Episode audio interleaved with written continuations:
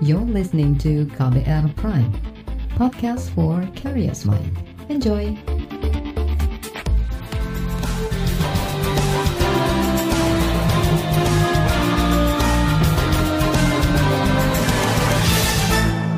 Disiarkan langsung dari studio KBR di Jakarta, inilah KBR sore untuk hari ini 12 Oktober 2022, saya Reski Mesanto. Saudara, pemerintah berupaya meminimalisasi dampak negatif ekonomi nasional akibat resesi global. Pasalnya, ancaman resesi diperkirakan bakal mengguncang sebagian besar negara di dunia termasuk Indonesia. Resesi adalah kondisi ketika ekonomi tumbuh negatif dua kuartal beruntun dalam tahun yang sama atau lebih. Faktornya antara lain kenaikan suku bunga acuan secara agresif oleh bank sentral di berbagai negara untuk meredam inflasi. Karena itu Presiden Joko Widodo memerintahkan jajarannya mendorong pengembangan usaha mikro kecil dan menengah atau UMKM. Sebab UMKM merupakan sektor terbesar penyangga ekonomi negara. Lalu bagaimana kondisi UMKM nasional saat ini dan seberapa besar peran mereka untuk menjaga stabilitas ekonomi? Kita bahas selengkapnya di KBR sore.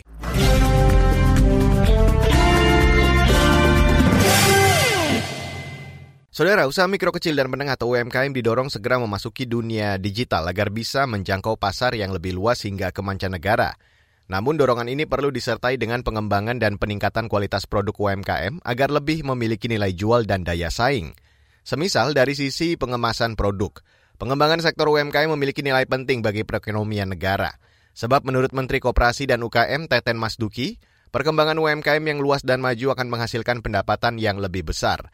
Jika itu terjadi, maka pertumbuhan ekonomi Indonesia bisa tetap stabil saat menghadapi resesi. Digitalisasi bagi para pelaku UMKM untuk bisa uh, mengakses uh, pasar yang lebih luas.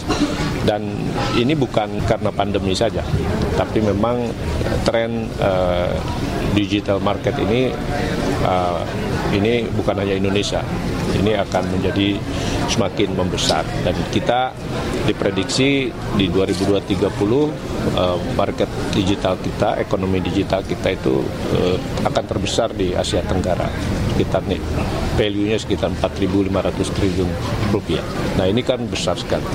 Saat ini tercatat ada lebih dari 65 juta UMKM di Indonesia. Dari jumlah itu, 90 persen lebih adalah usaha mikro, kemudian 790-an ribu usaha kecil, dan lebih dari 65 ribu merupakan usaha menengah.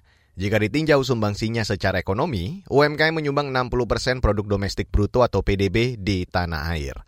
Menurut data Kemenkop, pertumbuhan UMKM di Indonesia cukup pesat tiap tahun.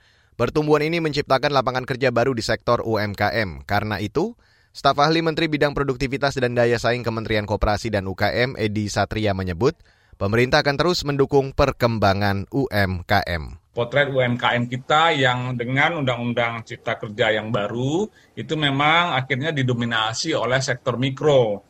Nah, karena itu pemerintah memberikan sekali uh, perhatian uh, untuk sektor mikro dan kecil ini, bagaimana uh, semua usaha mikro kecil ini bisa diberikan kemudahan, ya, kemudian diberi pemberdayaan, ya, dan pelindungan sebenarnya. Jadi ada kemudahan, pelindungan, dan uh, pemberdayaan. Ini sekilas uh, jumlahnya memang kita tahu itu sudah mencapai sekitar 64 juta, didominasi oleh uh, usaha mikro, usaha kecil, dan usaha menengah sementara usaha besar uh, tidak terlalu banyak jumlahnya. Dan koperasi kita seperti terlihat di sana didominasi oleh beberapa uh, kabupaten kota tertentu di Jawa, tapi ini memang banyaknya koperasi untuk simpan pinjam dan uh, beberapa koperasi lainnya. Nah, Bapak Ibu semua, uh, kami ingin mengingatkan kembali bagaimana kita ingin uh, Kementerian UKM ini terus juga bisa memaksimalkan perkembangan-perkembangan. Terkait dengan uh, UMKM dan kewirausahaan Indonesia, kita bisa lihat di sini didominasi oleh usaha mikro 99,6 persen. Di sini sisanya seperti kami sampaikan. Tapi yang menarik adalah bagaimana total lapangan pekerjaan sebenarnya uh, 99 persen itu didominasi oleh usaha UMKM ya Kemudian 97 persen tenaga kerja kita dan kontribusi sekitar 61 persen uh, terhadap PDB. Ini situasi uh, bagaimana peran UMKM dan tentu saja kita terus berupaya menjadikan tulang punggung ekonomi kita dan apalagi dengan presidensi ini tentu saja kita harus memaksimalkannya. Staf ahli Menteri Bidang Produktivitas dan Daya Saing Kementerian Koperasi dan UKM Edi Satria menjabarkan ada beberapa strategi yang tengah dilakukan pemerintah untuk mendukung UMKM, antara lain dengan digitalisasi dan memanfaatkan momen presidensi G20 untuk memperkenalkan produk unggulan UMKM. Di samping itu, pemerintah juga akan memfasilitasi dalam hal pendanaan. KM kita bisa berkembang juga, tentu saja tidak semua, tapi banyak yang berhasil memanfaatkan digitalisasi uh, uh, ketika uh, terjadi COVID, bencana, dan kemudian sekarang masuk ke dalam uh, tahap uh, bagaimana G20 kita maksimalkan. Nah, ini sasaran kita nanti adalah uh, pada akhir 2024 bisa 30 juta UMKM kita uh, masuk ke ranah digital, artinya onboarding uh, ke dalam platform-platform uh, digital kita, baik uh, lokal, nasional, dan tentu juga untuk internasional. Nah, dukungan pemerintah sebenarnya Bapak Ibu semua, kita itu punya empat transformasi digital. Pertama ada transformasi uh, dari informal ke formal ya. Kemudian transformasi uh, memanfaatkan inovasi dan digitalisasi, transformasi uh, rantai pasok dan transformasi uh, untuk wirausaha. Terakhir adalah koperasi modern. Nah, untuk rantai pasok ini mungkin yang besar kaitannya dengan G20. Kita harapkan memang seluruh lapisan termasuk ini dukungan pemerintah daerah kita harapkan bisa mengidentifikasi produk UMKM unggulan di daerah karena ini yang memang uh, lokal spesifik ini yang akan menjadi mengenalkan kita ke dunia ya. Kemudian literasi digital, digitalisasi UMKM untuk ekspor. Kita lakukan berbagai pekerjaan, kurasi UKM ekspor, sosialisasi, sistem katalog promosi, dan seterusnya. Kemudian tentu juga penguatan uh, kemitraan UMKM dalam rantai pasok dengan BUMN dan beberapa institusi lainnya. Dan tidak boleh dilupakan adalah pendampingan UKM sebagai penyedia dalam pengadaan barang jasa pemerintah untuk uh, memaksimalkan 40% belanja pemerintah itu APBN dan APBD itu mengarah kepada UMKM. Artinya apa? Nanti juga akan terjadi di samping kemitraan, kita mengharapkan juga investasi dari luar bisa masuk membantu UMKM. Saudara itu tadi staf ahli Menteri Bidang Produktivitas dan Daya Saing Kementerian Koperasi dan UKM Edi Satria. Baiklah kita jeda sejenak, setelah jeda akan saya hadirkan laporan KAS KBR tentang jangan takuti rakyat dengan resesi. You're listening to KBR Pride, podcast for curious mind. Enjoy!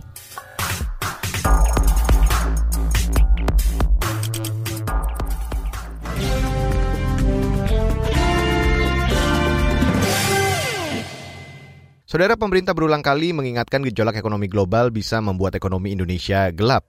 Pernyataan pemerintah dikritik karena dianggap membuat kegaduhan dan menakut-nakuti rakyat. Apa yang mesti dilakukan pemerintah untuk menghadapi resesi global? Berikut saya hadirkan laporan KAS KBR yang disusun jurnalis Heru Hetami.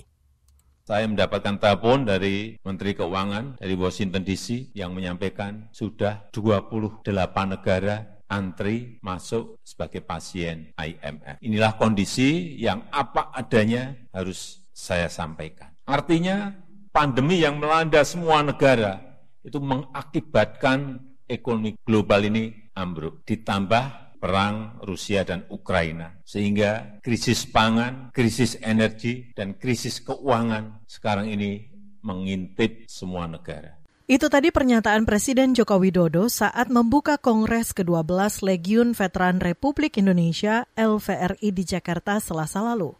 Jokowi mengajak seluruh elemen bangsa agar tetap optimistis dan waspada atas situasi global yang penuh ketidakpastian akibat konflik geopolitik Rusia-Ukraina. Kondisi negara-negara di dunia ini betul-betul pada posisi yang sangat tidak mudah. Inflasi naik, artinya harga-harga semua naik, tetapi pertumbuhan ekonominya semuanya anjlok, turun semuanya. Tapi Alhamdulillah negara kita di kuartal kedua kemarin masih bisa tumbuh 5,44 persen. Ini pertumbuhan ekonomi yang termasuk yang terbaik di dunia. Berulang kali Presiden Joko Widodo menyampaikan ancaman bahaya akibat krisis global. Begitu juga para menteri. Menteri Keuangan Sri Mulyani mengatakan setelah pandemi COVID-19 mereda, sektor perekonomian masih bergejolak kelantaran adanya pengaruh kondisi global. Saya ingin mengajak seluruh profesi keuangan untuk ikut sama-sama menjaga sektor keuangan dengan bersikap waspada dan profesional. Perkembangan dunia yang akan sangat bergejolak atau volatile tentu perlu kita waspadai, namun tidak berarti kita gentar. Kita tetap optimis namun waspada. Menteri Keuangan Sri Mulyani mengklaim negara telah berupaya maksimal untuk meredam gejolak dengan terus menggunakan instrumen fiskal agar mampu melindungi masyarakat dan perekonomian nasional. Namun, pernyataan-pernyataan para pejabat menuai kritik dari masyarakat. Perwakilan Konfederasi Serikat Pekerja Indonesia KSPI Kahar S. Cahyono menilai pemerintah hanya menebar ketakutan dari dampak resesi global yang akan terjadi. Kabar buruk itu kita dengar dari pejabat di negeri ini. Justru para menteri yang mengatakannya. Ada Menteri Keuangan Sri Mulyani dan kemudian juga diperkuat oleh pernyataan Presiden Jokowi dan juga Menteri Koordinator Bidang Maritim dan Investasi Luhut Binsar Panjaitan. Di mana para menteri mengatakan bahwa di tahun 2023 kondisi perekonomian di Indonesia bisa jadi akan gelap. Ini dampak dari resesi global. Dan tentu saja pernyataan dari para menteri yang mengatakan bahwa kondisi ekonomi di Indonesia akan menjadi gelap ini adalah sebuah pernyataan yang akan membuat semacam kegaduhan begitu atau bahkan membuat semacam tanda tanya tentang bagaimana nasib Indonesia di tahun yang akan datang. Serikat buruh mewanti-wanti pemerintah agar kondisi resesi global tidak dijadikan alasan menempatkan para pekerja dalam bayang-bayang pemberhentian hubungan kerja atau PHK. Kahar mengatakan para buruh menolak keras kebijakan PHK besar-besaran di tengah ancaman resesi global. Saya kira soal pengangguran ini adalah soal yang sangat dihindari, soal yang ditakuti, bahkan tidak ada orang yang punya cita-cita menjadi uh, pengangguran. Karena dengan pengangguran itu artinya akan ada banyak hal. Dengan pengangguran tidak ada pendapatan, dengan pengangguran maka akan ada beban sosial yang uh, tinggi dan dengan pengangguran akan banyak kerentanan yang terjadi di negeri ini. Oleh karena itu, pernyataan dari seorang menteri, terutama menteri-menteri di bidang perekonomian seperti Sri Mulyani menjadi sesuatu yang perlu kita cermati. Sementara itu, Direktur Eksekutif Center of Reform on Economics CORE, Muhammad Faisal, mendorong pemerintah memperkuat sinergi kebijakan antar kementerian untuk meredam dampak resesi di tingkat global. Nah, oleh karena itu bauran kebijakan fiskal, moneter, dan juga sektor real. Nah, di mana peran daripada Kementerian Perdagangan ini adalah di bauran kebijakan yang kaitannya dengan sektor real ya, termasuk di antaranya adalah distribusi, memastikan distribusi yang lancar. Nah, itu yang harus sinergi untuk me, apa, me, meredam dari dampak pelemahan uh, ekonomi global. Muhammad Faisal menyebut kebijakan yang dimaksud terutama yang berkaitan dengan daya beli masyarakat. Ia menilai kelompok masyarakat menengah ke bawah yang akan paling merasakan tekanan ekonomi saat resesi dunia terjadi. Faisal menyebut pemerintah perlu serius dalam upaya menjaga daya beli masyarakat yang saat ini sudah tertekan. Laporan ini disusun Heru Haitami. Saya Aika Renata. Saudara, pemerintah menjadikan UMKM sebagai tulang punggung perekonomian Indonesia. Namun, Asosiasi UMKM menyatakan belum ada fasilitas yang memadai untuk mereka berkembang. Lantas, apa harapan mereka? Selengkapnya sesaat lagi. You're listening to KBR Pride, podcast for curious mind. Enjoy!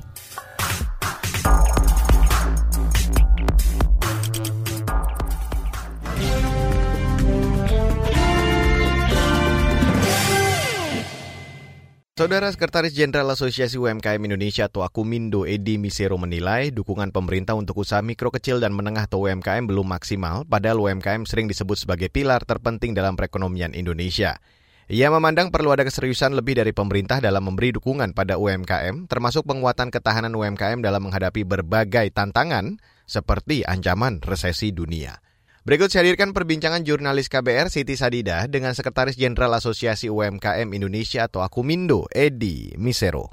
Sebagai penyokong perekonomian Indonesia, apakah pemerintah sudah memfasilitasi UMKM untuk berkembang dengan baik begitu Pak? Tanggung jawab kita adalah tanggung jawab bersama bahwa perekonomian Indonesia, situasi Indonesia harus didukung oleh semua pihak termasuk asosiasi UMKM, pelaku UMKM, dan pemerintah. Nah, masalahnya adalah kita mau nggak kita bisa berkembang dengan baik dalam situasi ekonomi resesi, baik di dalam negeri maupun global. Kita mau misalnya ya, kita harus survive. Ya artinya semua pihak harus bertanggung jawab mendukung UMKM-nya. Pemerintah kan memang sering menyebutkan bahwa UMKM adalah tulang punggung negara gitu ya, kontribusinya besar pada perekonomian Indonesia. Nah, kontribusi dari pemerintah sendiri ke UMKM gitu, dukungan yang diberikan apakah ada kekurangan yang rasa-rasanya diharapkan dapat diberikan ke UMKM gitu Pak? Upaya yang harus dilakukan apa ya Pak? Nah, kalau kita lihat bahwa spiritnya pemerintah, oke, okay, membantu di dalam hal memfasilitasi permodalan, membantu dalam hal kemudahan akses, tetapi semua belum pada posisi yang optimal. Misalnya begini, permodalan lah ya. Oke, kita siapkan sekian ratus triliun penyerapan kredit usaha rakyat dengan yang 100 juta ke bawah tidak perlu ada jaminan atau kolateral. Realisasinya di lapangan harus juga mempersiapkan jaminan. Belanja negara baik tingkat pusat dan daerah diminta atau sesuai dengan peraturan 40 persen harus menyerap produk barang dan jasa UMKM realisasinya jauh di bawah. Jadi yang kita minta kesungguhan, betul-betul kita berpikir bagaimana kita mendorong, memberikan ruang kepada UMKM untuk mereka dapat kesempatan untuk berusaha supaya mereka tetap bisa survive. Global misalnya. Oke, okay, diberikan ruang bagaimana naik kelas, bagaimana go internasional misalnya. Tapi informasi tentang apa kebutuhan negara-negara sahabat yang dimungkinkan untuk kita supply, itu yang tersendat, belum didapatkan secara terbuka. Melihat perkembangan ekonomi saat ini, Pak, kan sering digaungkan bahwa sebentar lagi dunia akan mengalami resesi begitu. Nah, jika terjadi resesi dan perekonomian Indonesia sendiri terimbas, UMKM UMKM sektor apa kira-kira Pak yang paling terdampak dan antisipasi kalau dari asosiasi uh, bagaimana Pak? Tidak ada yang paling terdampak. Semua sektor akan terdampak. Khususnya ya kalau kita mau bicara lebih mikro ya, para pedagang mikro ya, yang tadinya bisa dia jual misalnya nasi goreng di pinggir jalan pakai tok-tok gitu ya, 50 porsi. Mungkin sekarang dengan kondisi resesi nanti akan cuma 20 porsi. Nah bagaimana dia bertahan dan hidup dengan 20 porsi untuk menghidupkan dia, keluarganya, istri dan anak-anaknya kan. Bahwa presiden dunia itu sudah mulai. Di luar itu udah luar biasa tingkat inflasi. Bahwa itu akan masuk ke Indonesia, yes.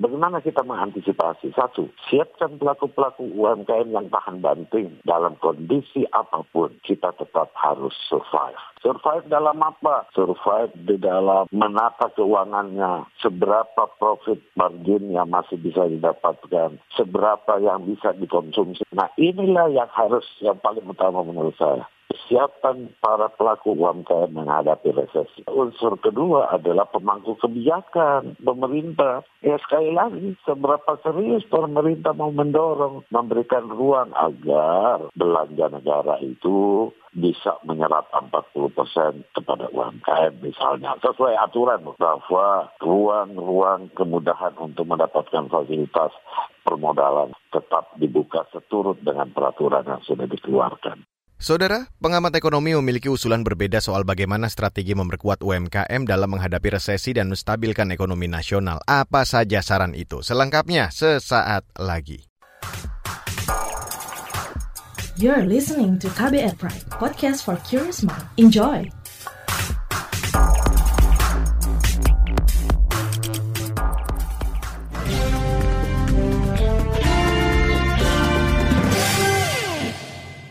Saudara pengamat ekonomi mendorong pemerintah memperkuat usaha mikro kecil dan menengah untuk menghadapi resesi yang diprediksi terjadi tahun depan.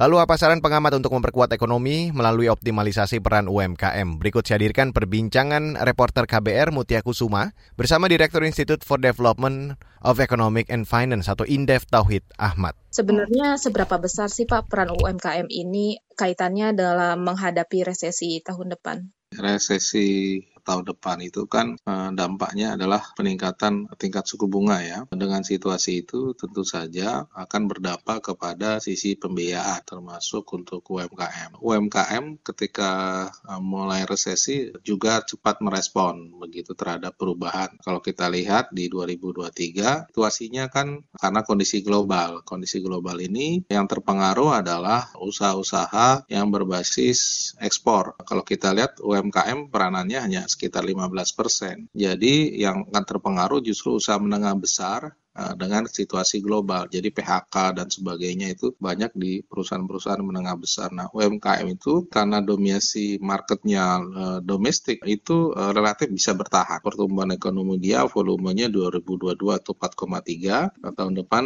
hanya 2,5 persen per tahun ya. Jadi saya kira UMKM kita ini berbasis konsumsi. Nah, kalau kita lihat konsumsi tahun depan relatif masih lebih bagus lah karena kan uh, masih sekitar ke konsumsi masyarakat 5%. Jadi jadi karena berbasis konsumsi uh, tidak terlalu terpengaruh bahkan bisa uh, menambah uh, sumbangan dalam perekonomian. Pak, selama ini hambatan dari UMKM apa sih Pak untuk mengembangkan usahanya? Yang pertama adalah peningkatan kapasitas ya. Jadi mereka untuk naik kelas kan bukan hanya akses permodalan tapi juga manajemen, kapasitas, hanya kelembagaan. Saya kira yang kedua adalah marketing.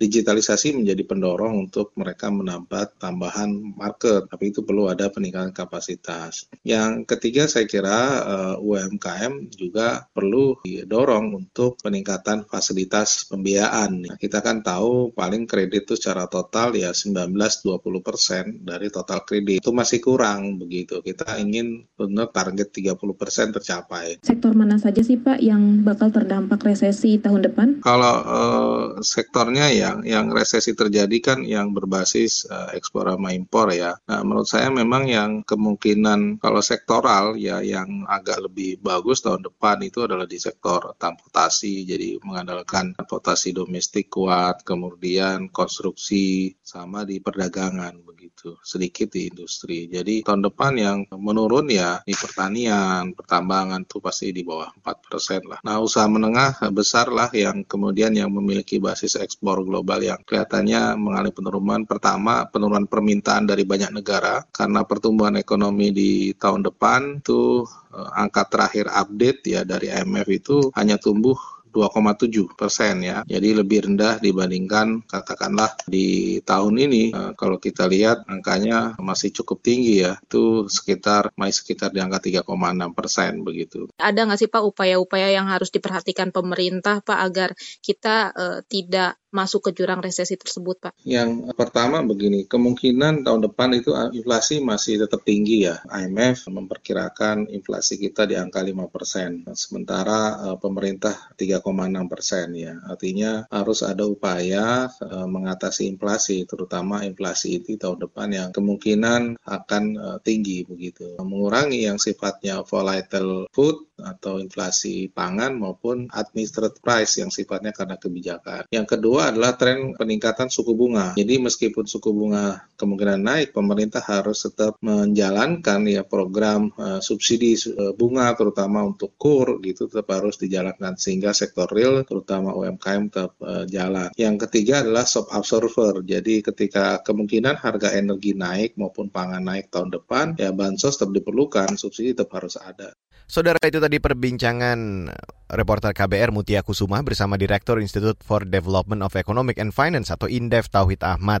Yang sekaligus menutup KBR sore untuk hari ini edisi 12 Oktober 2022. Terima kasih untuk Anda yang sudah bergabung sore hari ini. Selamat kembali menjalankan aktivitas Anda dan saya Reski Mesanto mewakili tim redaksi yang bertugas sore hari ini. Kami undur diri. Salam.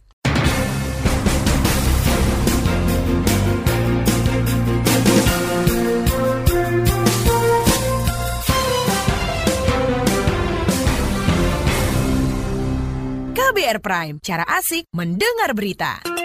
KBR Prime, podcast for curious mind.